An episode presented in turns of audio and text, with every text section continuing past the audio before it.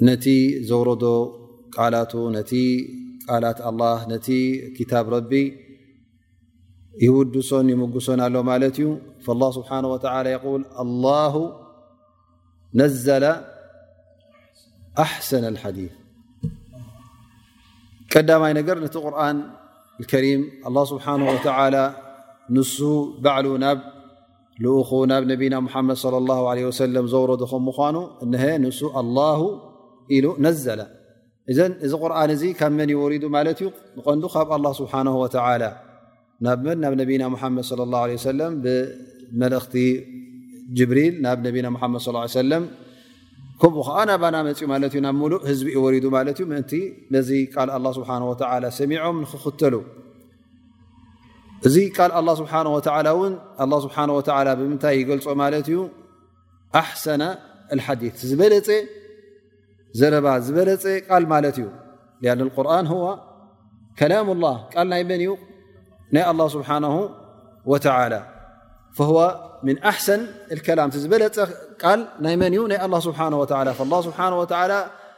እዚ ቃላት እዚ ዝበለፀ ስለ ዝኾነ ማና ሊክ እንታይ እዩ እንተ ዝበለፀ ቃል ኮይኑ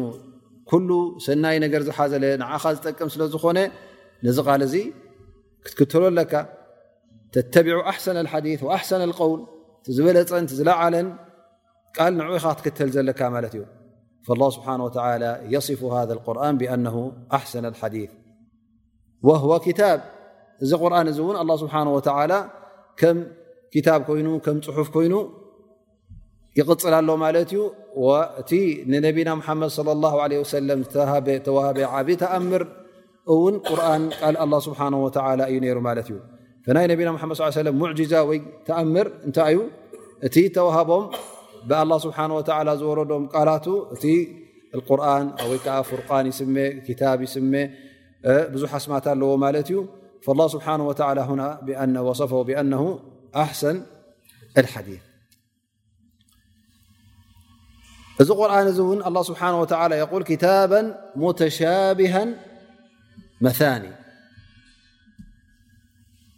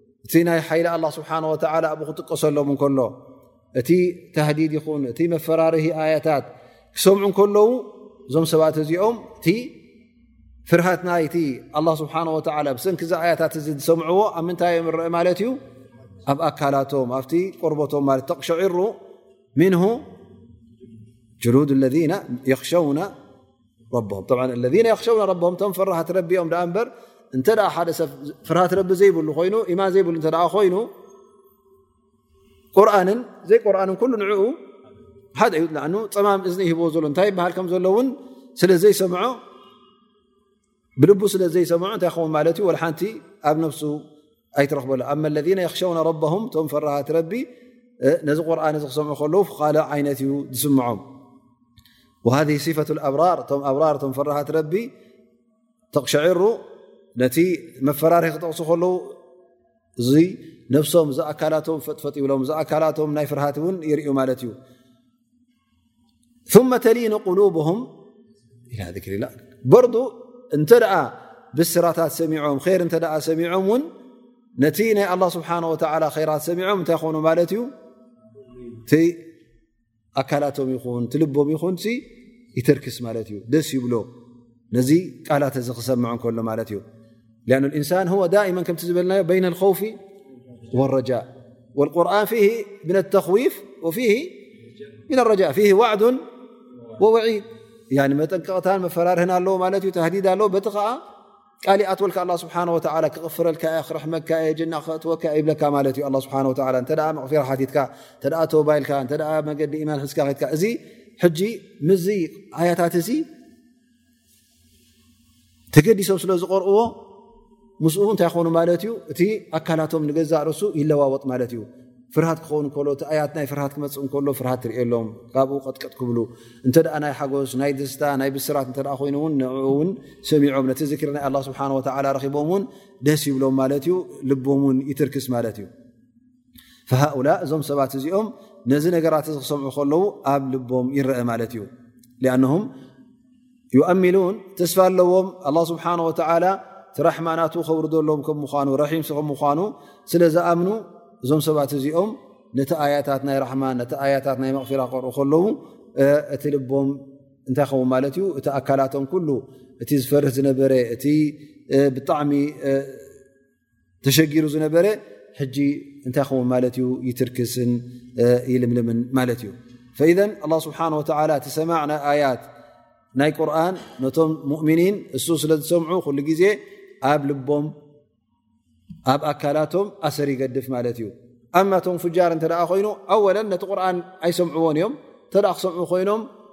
ካልእ ሕማቕ ነገር ክሰምዑ እተዘይኮይኑ ናይ ደርፍን ናይ ካልእ ዓይነትን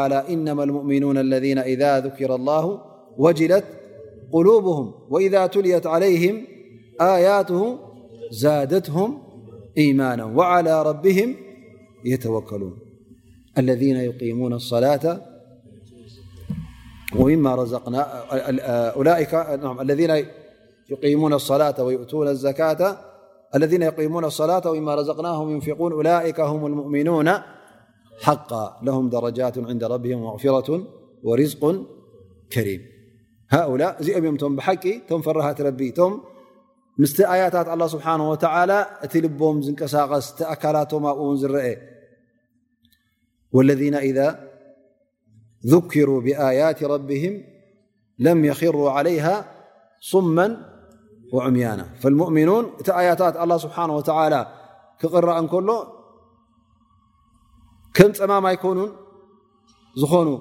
ከም ዕቡሩን ኣይኮኑ እንታይ ደኣ ምስ እቲ ኣካላቶም ይንቀሳቀስ ማለት እዩ ወየስጅዱና ልላ ስብሓነ ወተላ ፈላ የልሁን ዓን ካብኡ ኣይረሕቁን እዮም ብካልእ ነገር እውን ኣይሻቀሉን እዮም እንታይ ደኣ ንዕኡ ጥራዮም ኣድህቦ ዝህቡ ማለት እዩ ስለዚ ነቲ ቃል ኣላ ስብሓን ወተላ ምስኡ ለይትን መዓልትን ክርዎ ክርዎ ከለዉ ከዓ እቲ ኣያታት ኣላ ስብሓን ወተላ እትሒዝዎ ዘሎ ትርጉም እትሒዝዎ ዘሎ ማዕና ስለ ዝፈልጡ ንዕኡ ተረዲኦም ከዓ እንታይ ክኾኑ ማለት እዩ ምስ ኣያታት እቲ ኣካላቶም ውን ይንቀሳቀስ ምስ ኣብቲ ኣካላቶም ውን ምቅያር ይረአ ማለት እዩ ፍርሃት ረቢ የርእዩ ማለት እዩ ወይዛ ትልት ዛደትም ኢማና እቲ ኢማኖም እውን ይውስኽ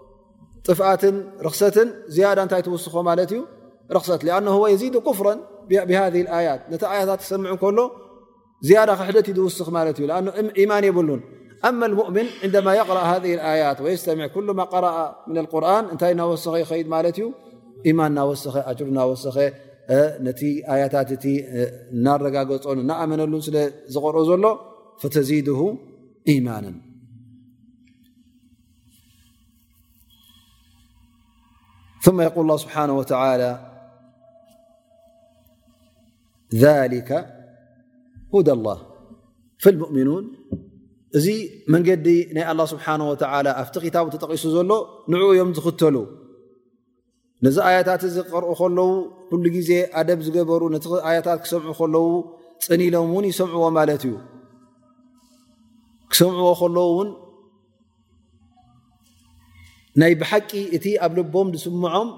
ንዑ እዮም ዘርዩ ዳኣ እምበር ገለገለ ሰባት ኣለዉ ተከልፍ ገብር ማለት እዩ ተከሉፍ ይገብር ማለት እዩ ምናልባሽ ሓደሓደ ግዜ ቁርን ክቅረኣ ከሎ ወላ ክበኪ እተ ሰሚዕካዮ ንኩሉ እቲ መስጊድ ከስምዖ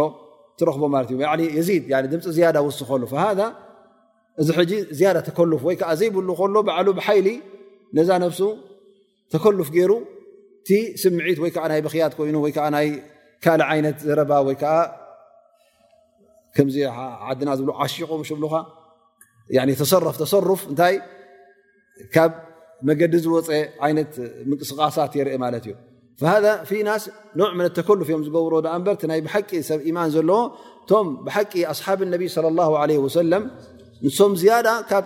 ኩላና ን ነዚ ቁርን እዚ ይርድኡ ነሮም እሶም ዝያዳ ፍህምዎ ሮም በቲ ቋንቁኦም ወሪዱ ነቢ ለ ላ ለ ሰለም ባዕሉ ማዕና ትርጉም ናይቲ ቁርን እቲ ይነግሮም ነሩ ስለዚ እሶም ብዝያዳ ዝርድእዎ ዝነበሩ እዮም ስለዚ ሃል እሶም ከምዚ ዓይነት ምንቅስቃሳት ካብ መገዲ ዝወፀ ገደብ ዝጠሓሰ ምንቅስቃሳት የርእዩ ነሮም ወይሳ የርኣዩ ስለዚ እቲ ናይ ብሓቂ በዓል ኢማን እንተ ኮይኑ ከምቲ እቶም ኣስሓብ ነቢ ርዋን ላ ለይም ረቢ ይርደየሎም ዝገብርዎ ዝነበሩ ከመይ ገሮም ነቲ ቁርን ይቕበልዎ ነሮም ከመይ ገሮም የተግብርዎ ነሮም ከመይ ገሮም የፅንዕዎን ይሓፍዝዎ ነሮም ከምኦም ክከውን እዩ ዘለና ማለት እዩ ኣ እሶም ኣብነትና እዮም ኣላ ስብሓን ወተላ ነቢና ሓመድ ለ ላ ለ ሰለም ልኢኹ እቶም ሰሓባ እቶም ብፆቱ ክመርፀሉ ከሎ እቶም ዝበለጡ ሰባት ስለዝኾኑ ንዓና ኣብነት ንክኾኑና እም ሓበሬታ ንክኾና ከመይ ገይሮም እጓዓዙ ከም ዝነበሩ ነቲ ቁርን ከመይ ገይሮም ተረዲኦሞ ከመይ ከገይሮም ኣተግቢሮሞ ነዚ ነገራት እዚ ንክንጥቀም እዩ ኣላ ስብሓን ወተላ እቲ ነቢና ሓመድ ለ ላ ለ ሰለም ብፆትን ተኸተልትን ገይሩሎም ማለት እዩ እዘን እቶም ዝበለፁ ኸይር ቁሩን ቀርኒ ኢሉና ነቢ ስ ሰለም እቶም ዝበለፁ እማ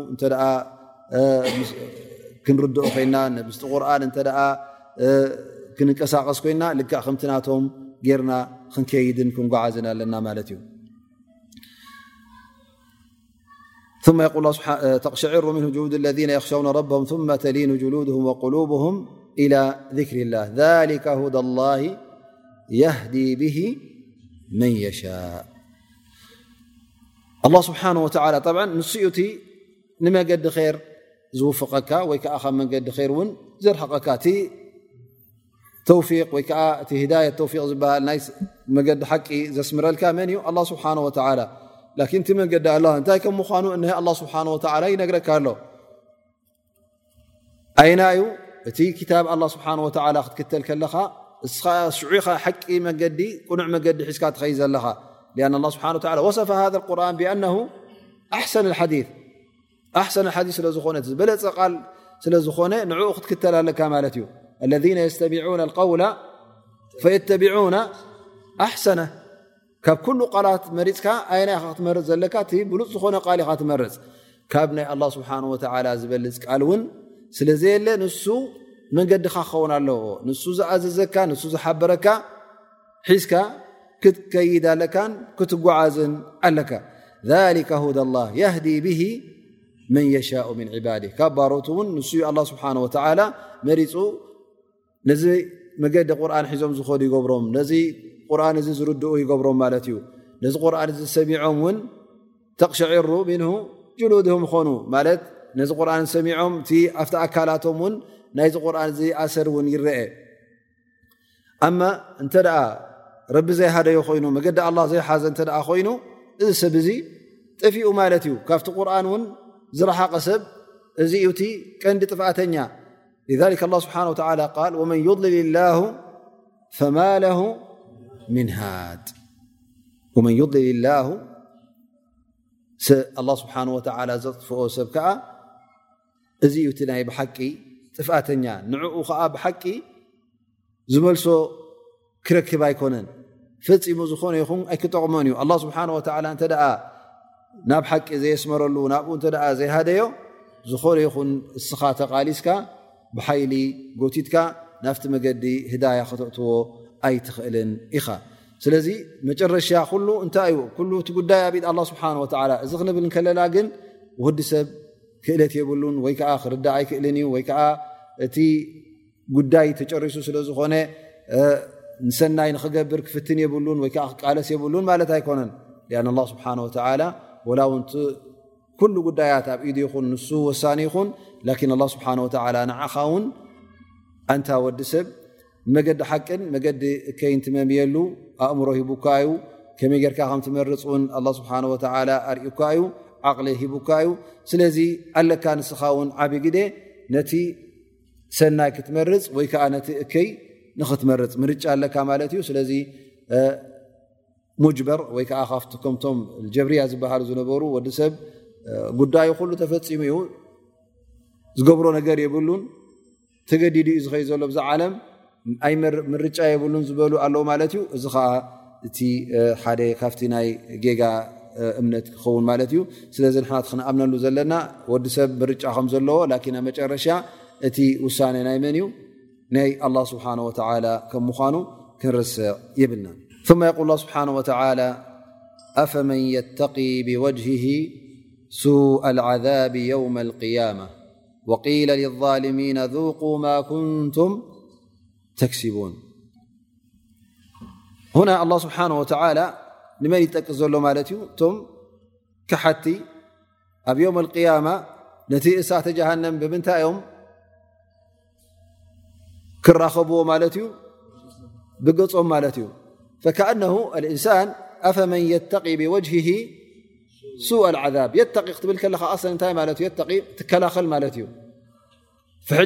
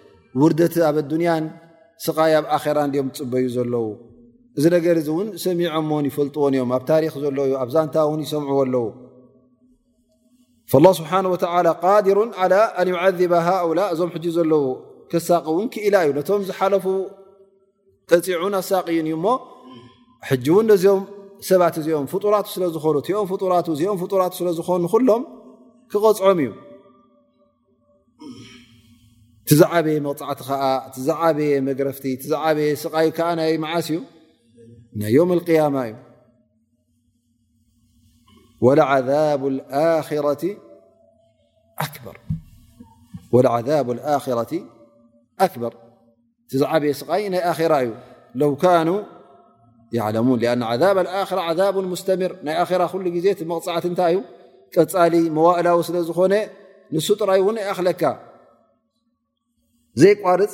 እንተ ኮይኑ ወላ ውን ከምቲ ናይ ኣዱንያ ስቓይ ጥራይ ይኹን ጥራይ ዘይምቁራፁ ንዓኻ እንታይ ይኸውን ማለት እዩ እዚ እቲ ዝዓበ ይኸውን ፈማ ባሉ ኣወለን ኣይቋርፅን እዩ ካልኣይ ከዓ ኣሸድ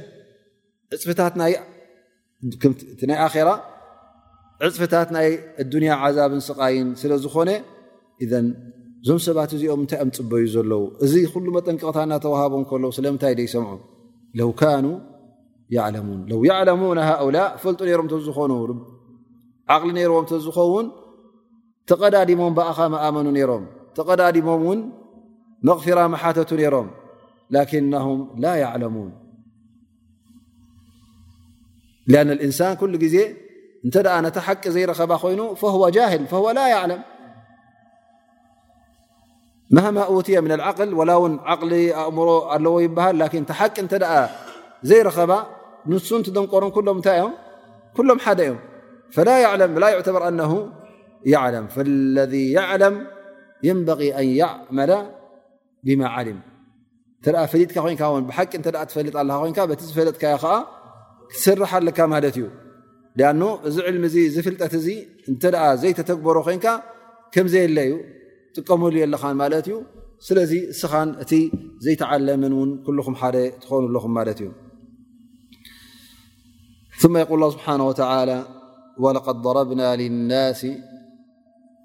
ፊ ሃذ ቁርን ምን ኩል መል ለዓለም የተዘከሩን ኣላ ስብሓን ወተላ እዚ ቁርን እዚ ከውርዶ ከሎ ናብ መን እዩ ኣውሪድዎ ማለት እዩ ናብ ሰባት ይውሪዱ እቲ ቀንዲ ክጥቀመሉ ተባሂሉ ዘሎ መን እዩ ንሕና ወዲ ሰብ ክጥቀመሉ ማለት እዩ ስብሓ እዚ ቁርን እዚ እዚ ወዲ ሰብ ከም ዝርድኦ በቲ ዝርድኦ ቋንቋ ገይሩ ኣውሪድሉ ማለት እዩ ፅባሕ ንግሆ እውን ኣይተረዳእኩን ምእንቲ ንኸይብል ኣላ ስብሓን ወተዓላ ብብዙሕ ዓይነት ናይ ዘረባ መረድኢ ገይሩ ኣላ ስብሓን ወተዓላ የረድኦ ማለት እዩ ወለቀድ ضረብና ልናስ ሃኡላ ናስ እዞም ሰባት እዚኦም እዚ ቁርን ዝወርዶም ዘሎ ኣዚ ቁርን እዚ ነውርደሎም ዘለና በቢ ዓይነቱ ምስላ ወይ ከዓ ተመሳሳሊ ገርና ውን ጠቂስናሎም ኢና ይብል ኣ ስብሓ ወ ስብሓ ወ ይበይኑ ናስ እቲ መብርሂ ወይ ከዓ እቲ ዝወሃብ ዘሎ ደቂ ሰብ ሓበሬታ ብሩህን ቅቡል ንክኸውን ምስ ኣእምሮኦም ዝርድእዎን ዝሰምዕዎን ዝፈልጥዎን ከምዝኸውን ገይሩ ስብሓ ወ ነጊርዎም ማለት እዩ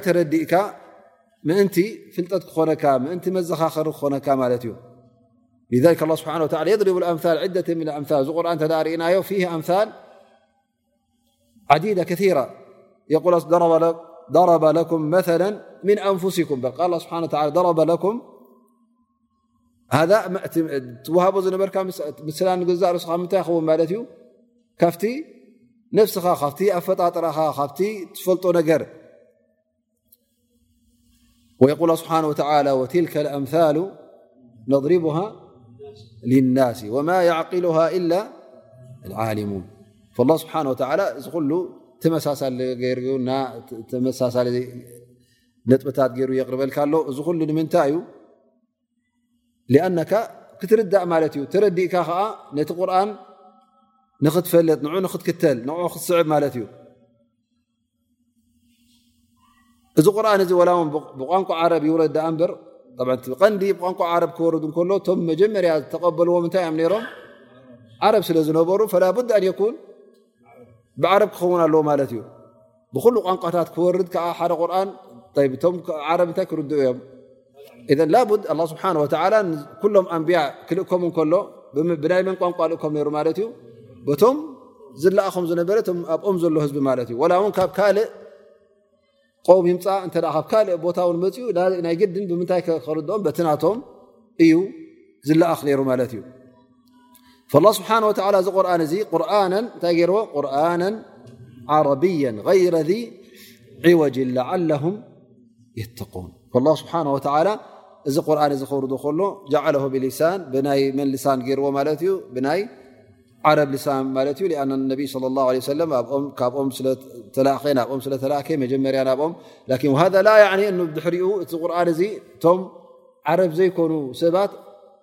እዚ ቁርን እዚ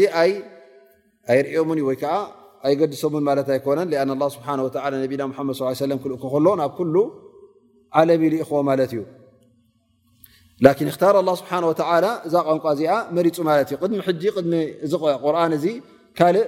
ክታብ እቲ ይወርድ ነይሩ ክወርድ ከለዉ ክለኣኹ ከለዉ ብምንታይ ይለኣኹ ነይሮም በቲ ናይቶም ቋንቋ እውን ይለኣኹ ነይሮም ማለት እዩ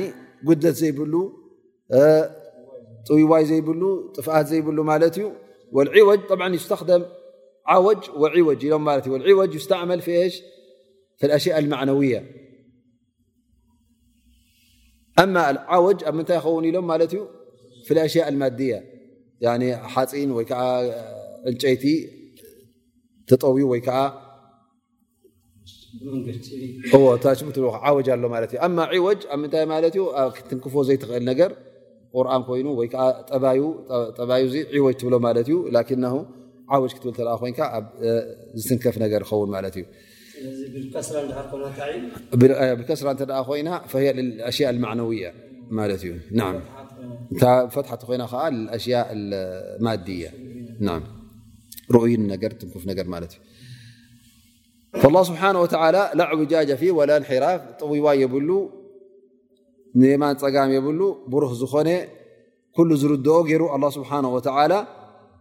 ኣውሪድዎ ማለት እዩ በዚ ቋንቋ እዚ በዚ ቋንቋ ዓረብ ምእንቲ ምንታይ ምእንቲ ደቂ ሰብ ተረዲኦምሲ ምእንቲ ክጥንቀቑ ተረዲኦም መገዲ ኣላ ስብሓን ወተዓላ ሒዞም ክኸዱ ተረዲኦም ካብቲ መገዲ ሸይጣን ካብቲ መገዲ ክሕደት ንክምለሱ እዩ ኣላ ስብሓን ወተዓላ ከምዚ ገይሩ ኣውሪድዎ ማለት እዩ ፈዘን ሃ ቁርን መዓና ወሪዱ ኣሎ ማለት እዩ ወላ ብቋንቋ ዓረ ወሪዱ ከሎ ኩሉ ሰብ ዝርድኦ ወይከዓ ሉ ሰብ ዝፍህሞ ገይርዎ ኣላ ስብሓን ወተላ ግዴታ ኣይኮነን ነዚ ቁርን እዚ ዝርዳእ ፈላጥ ክኸውን ላዓለ ደረጃ ዝበፅሐ ፍልጠት ዘለዎ እነማ ኣ ስብሓ ወ ናስ ኩ ናስ ገይርዎ ማለት እዩ ን ላ ሊ በርዱ ዝኾነ ሰብ መፅኡ ዝፈልጥን ቋንቋ ዓረ ዝፈልጥን ዘይፈልጥን ኩሉ ክፍስሮን ርድኦ ንኽእል ማለት ኣይኮነን ላን ኣብቲ ግዜ እቲ ኣብቲ ግዜ ነቢና ሓመድ ስ ሰለም ዝነበሩ ሰሓበት ነቢ ለ ላ ለ ሰለም እቶም ህዝቢ ዓረብ ብቀሊሉ ቋንቋኦም ስለ ዝኾነ ብቀሊሉ ይርድዎ ነይሮም ማለት እዩ ሕጂ እውን ቋንቋ ዓረብ እተ ተማሂርካ ትርድኦ ኢኻ ማለት እዩ እንተ ዝተረፈሉ ኮይኑ ገለገለ ኣያታት ኣሎ እንታይ የድሊ ማለት እዩ እቶም ዑለማ ክፍስሩልካ የድልካ ላኪን መብዝሕቱ ትቀንድታቱ እቲ ኣያት ሙሕከማ ዝኾነ ፈርድን ዋጅብን ዝሕብረካ ናይ ሰላት ኮይኑ ናይ ትቀንድታት ኢማን እተ ኮይኑ ኩሉ ብሩህ ነገር እዩ ማለት እዩ ግዴታ ኣይኮነን ብጣዕሚ ሊቅ ዝኾነ ወይከዓ ዓለም ዝኾነ የድልየኒ ክትብል ኣየድልየካን ማለት እዩ ث የذክሩ ላ ስብሓ ወላ ብድሕሪኡ ብዛዕባ ሓደ ተመሳሳሊ ነገር ከም ምስላ ገይሩ እውን ኣላ ስብሓን ወተዓላ ከም ኣብነት ገይሩ ይጠቕሶ ማለት እዩ ፈየቁል ላ ስብሓን ወተዓላ እዛ ነጥቢ እዚኣ እውን እዛ ዘቕርባ ዘሎ ኣላ ስብሓን ወተዓላ እውን ከምቲ ቅድሚ ሕጂ ዝጠቐስናዮ እዛ ሱራ እዚኣ ጉዳይ ናይ ተውሒድ ንዕኡ ዝተረጋግፅ ኣብ ኩሉ ኣያታት ናታ ነዚ ነገር እዚ ብምስላ ኮይኑ ብታሪክ ኮይኑ ብካልእ እናቕረበቱ ስለ ትኸይድ እነሀ ኣላ ስብሓን ወተዓላ ጉዳይ ናይ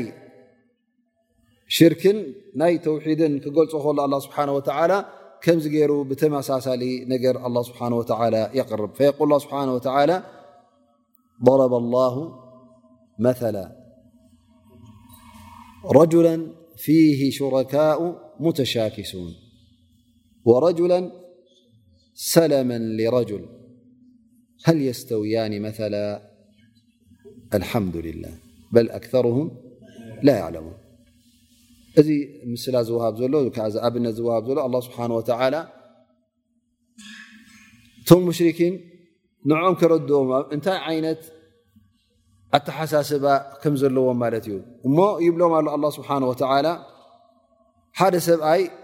ሽርካ ክልተ ሽርካ ገይሮም ሓደ ሰብኣይ ማዕና ባርያ ኮይኑ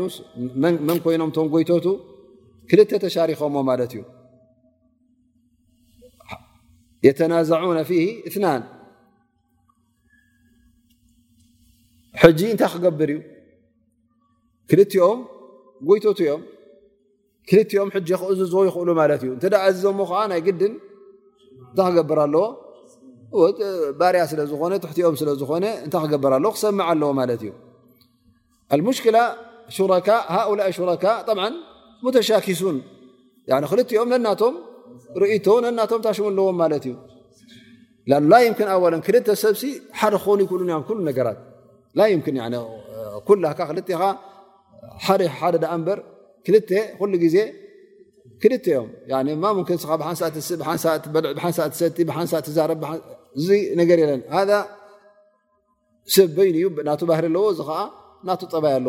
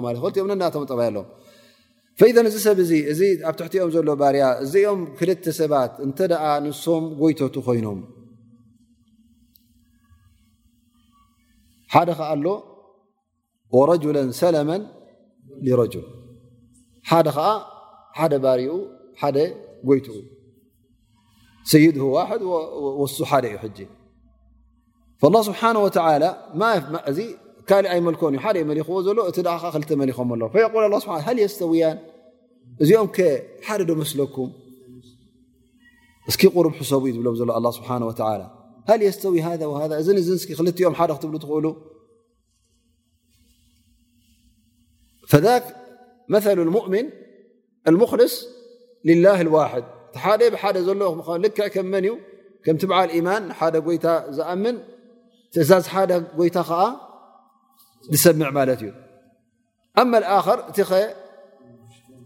ክልተ ጎይቶቱ ኮይኖም ክልቲኦም ነናቶም ትእዛዝ ይብዎ የመሓላልፍሉ እቲ ሓደ ተስእ በለ ሓደ ኮፍ በለ ሓደ ምሳሕ ግብር ብሎ ሓደ ማይ ውረድ ብሎ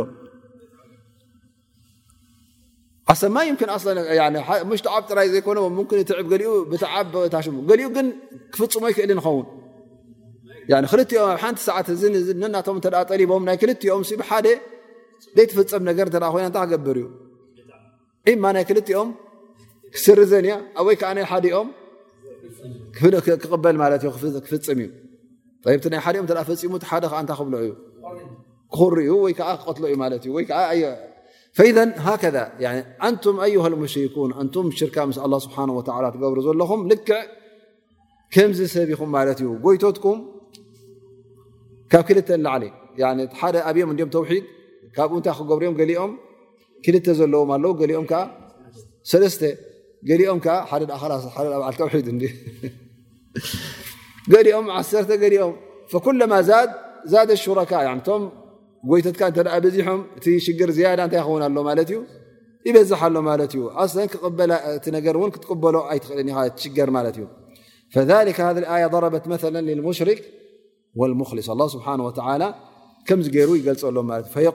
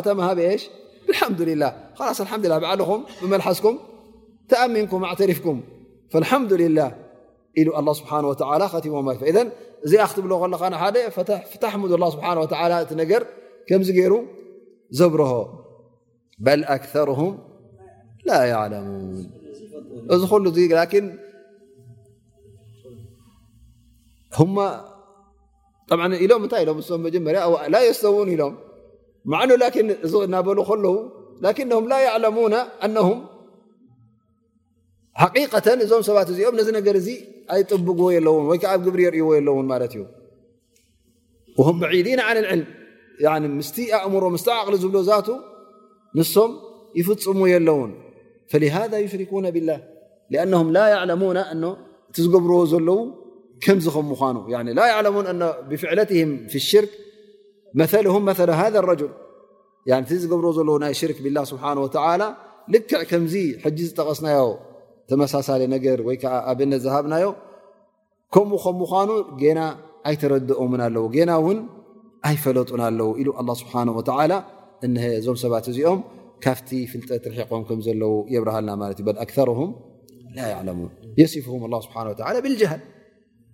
ጃህሊል ማለት እዮም ኣይፈልጡን ማለት እዮም እበር እዛ ነገር እዚኣስ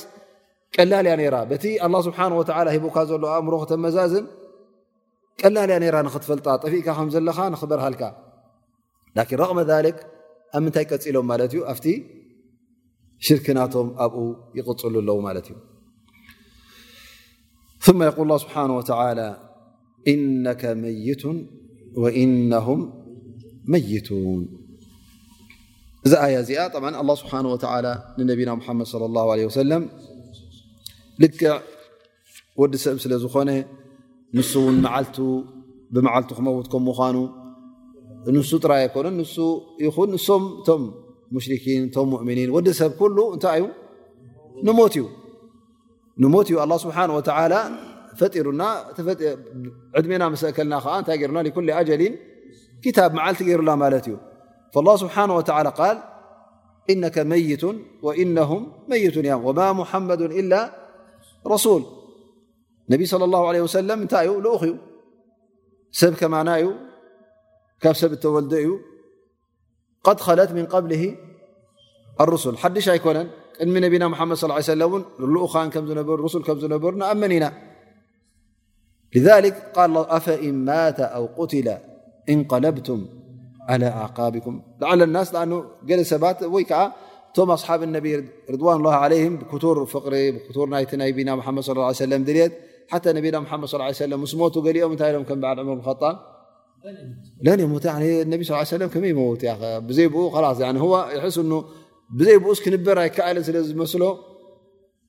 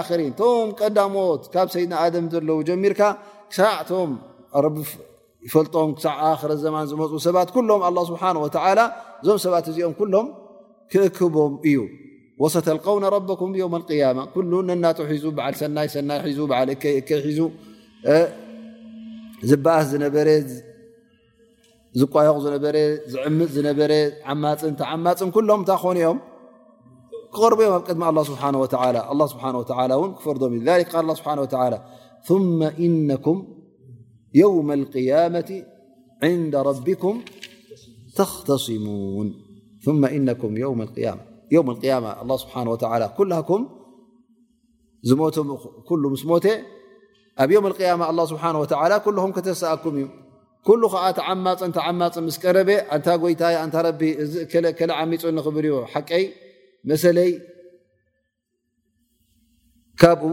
ሃበኒ ያ ረቢ ክብል ማለት እዩ ሽዑኡ ኩሉ ነናቱ ክጠልብ ማለት እዩ ኣህለ ተውሒድ ኣህለ ሽር ክኾኑ እቶም ተውሒድ ዝገብሩ ዝነበሩ እቶም ሙሽርኪን ኩሎም ኣላ ስብሓን ወተዓላ ክእክቦም እዩ ኩሎም ከዓ በብናቶም እቲ ዝቕፃዕ ክቕፃዕ እዩ እቲ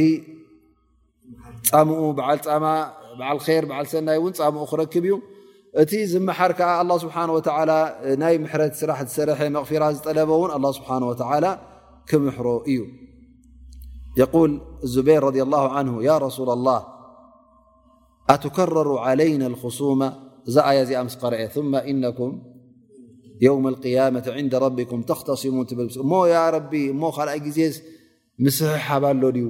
ዓማፅን ተዓማፅን ንናትና ክንጠልብ ኣብዮ ቃል ነዓም ኢሎ ነቢ صለ ላه ለ ወሰለም እወ ፈቃል እና ልኣምራ ኢዘን ለሸዲድ እቲ ጉዳይ እምበኣር ቀሊል ነገር ኣይኮነና ዮም ያማ እዘን ኩሉ ነናቱ ክጠልብ ነናቱ ክሓትት ክሰሓሓብ ክጓተጥ ክበኣስ እተ ኮይኑ ዮም ያማ ክሳም ዘለዎ ማለት እዩ ኣ ኩሉን ብነናቱ ክመፅእ ማለት እዩ ኣነ በዓል ሓቂ ኢልካ ኣብዚ ኣዱንያ እንከለኻ ናይ ሰብ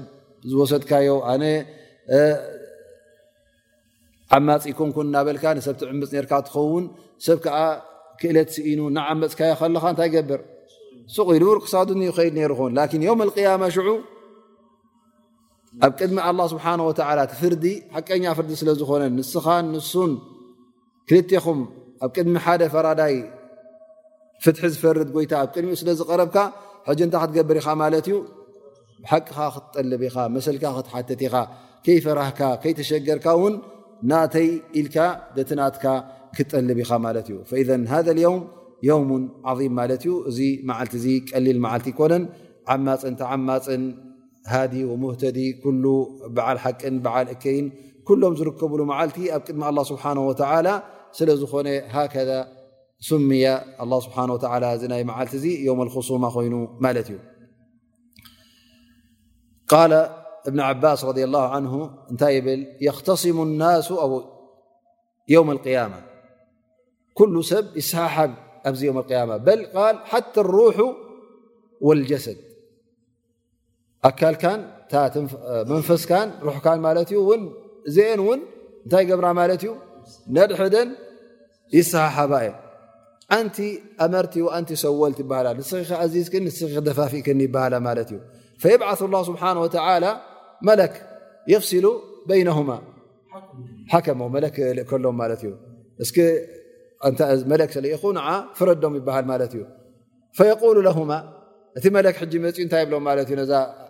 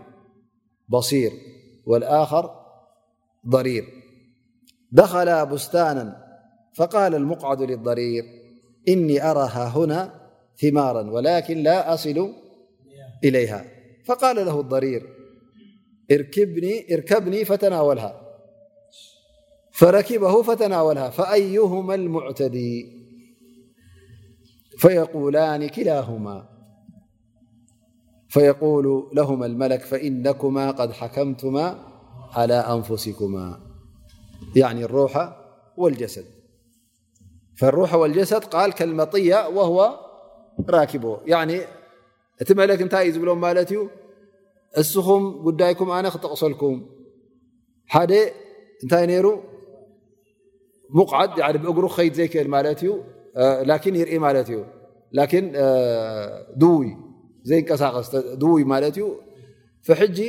እንታይ ርኢ ሓደ ከዓ እንታይ ሩ ዓርኩ ዕዉር ማለት እዩ ላን ብእግሪ ኮይድ ሽግር የብሉን ይንቀሳቀስ ማለት እዩ ሕጂ እቲ ድውይ እንታይ ይብሎ ማለት እዩ ኣነ እኮ ኣብታ ገረብቲኣ ኣብታ ጣሽሙስ እርኢ ኣለኹ ዝብላዕ ነገር ሕጂ እቲ ዕዉር እንታይ ኢልዎ ኣነ ግን ይርእየ ኣለኹ ላኪን ንዓ ተሰቐለኒ ሒዘካ ከይድ የማ ፀጋም በለኒ ኣነ ወስደካ ኣብታ ቦታ ን ንወስዳ ኢልዎ ማለት እዩ ኸላስ መፅኡ እቲ ድውይ ነቲ ዕዉር ሰጎ ከይዶም ደይብዋ ጣዓቢሎም ነታ ክበልዕዋ ዝደለዩ ወሲዶማ ማለት እዩ ብዘይፍቓድ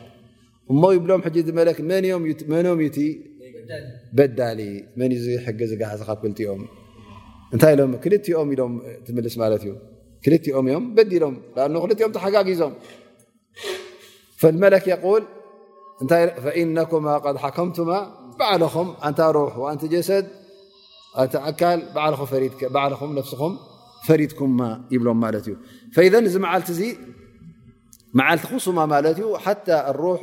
ወልጀሰድ ኣካልን ሩሕን ብሓደ ዝፈፀመኦ ሕጂ ኣብቲ ዮም ኣልቅያማ ኩሉ ንብሱ ከውፅእ ጥራይ ስለ ዝደሊ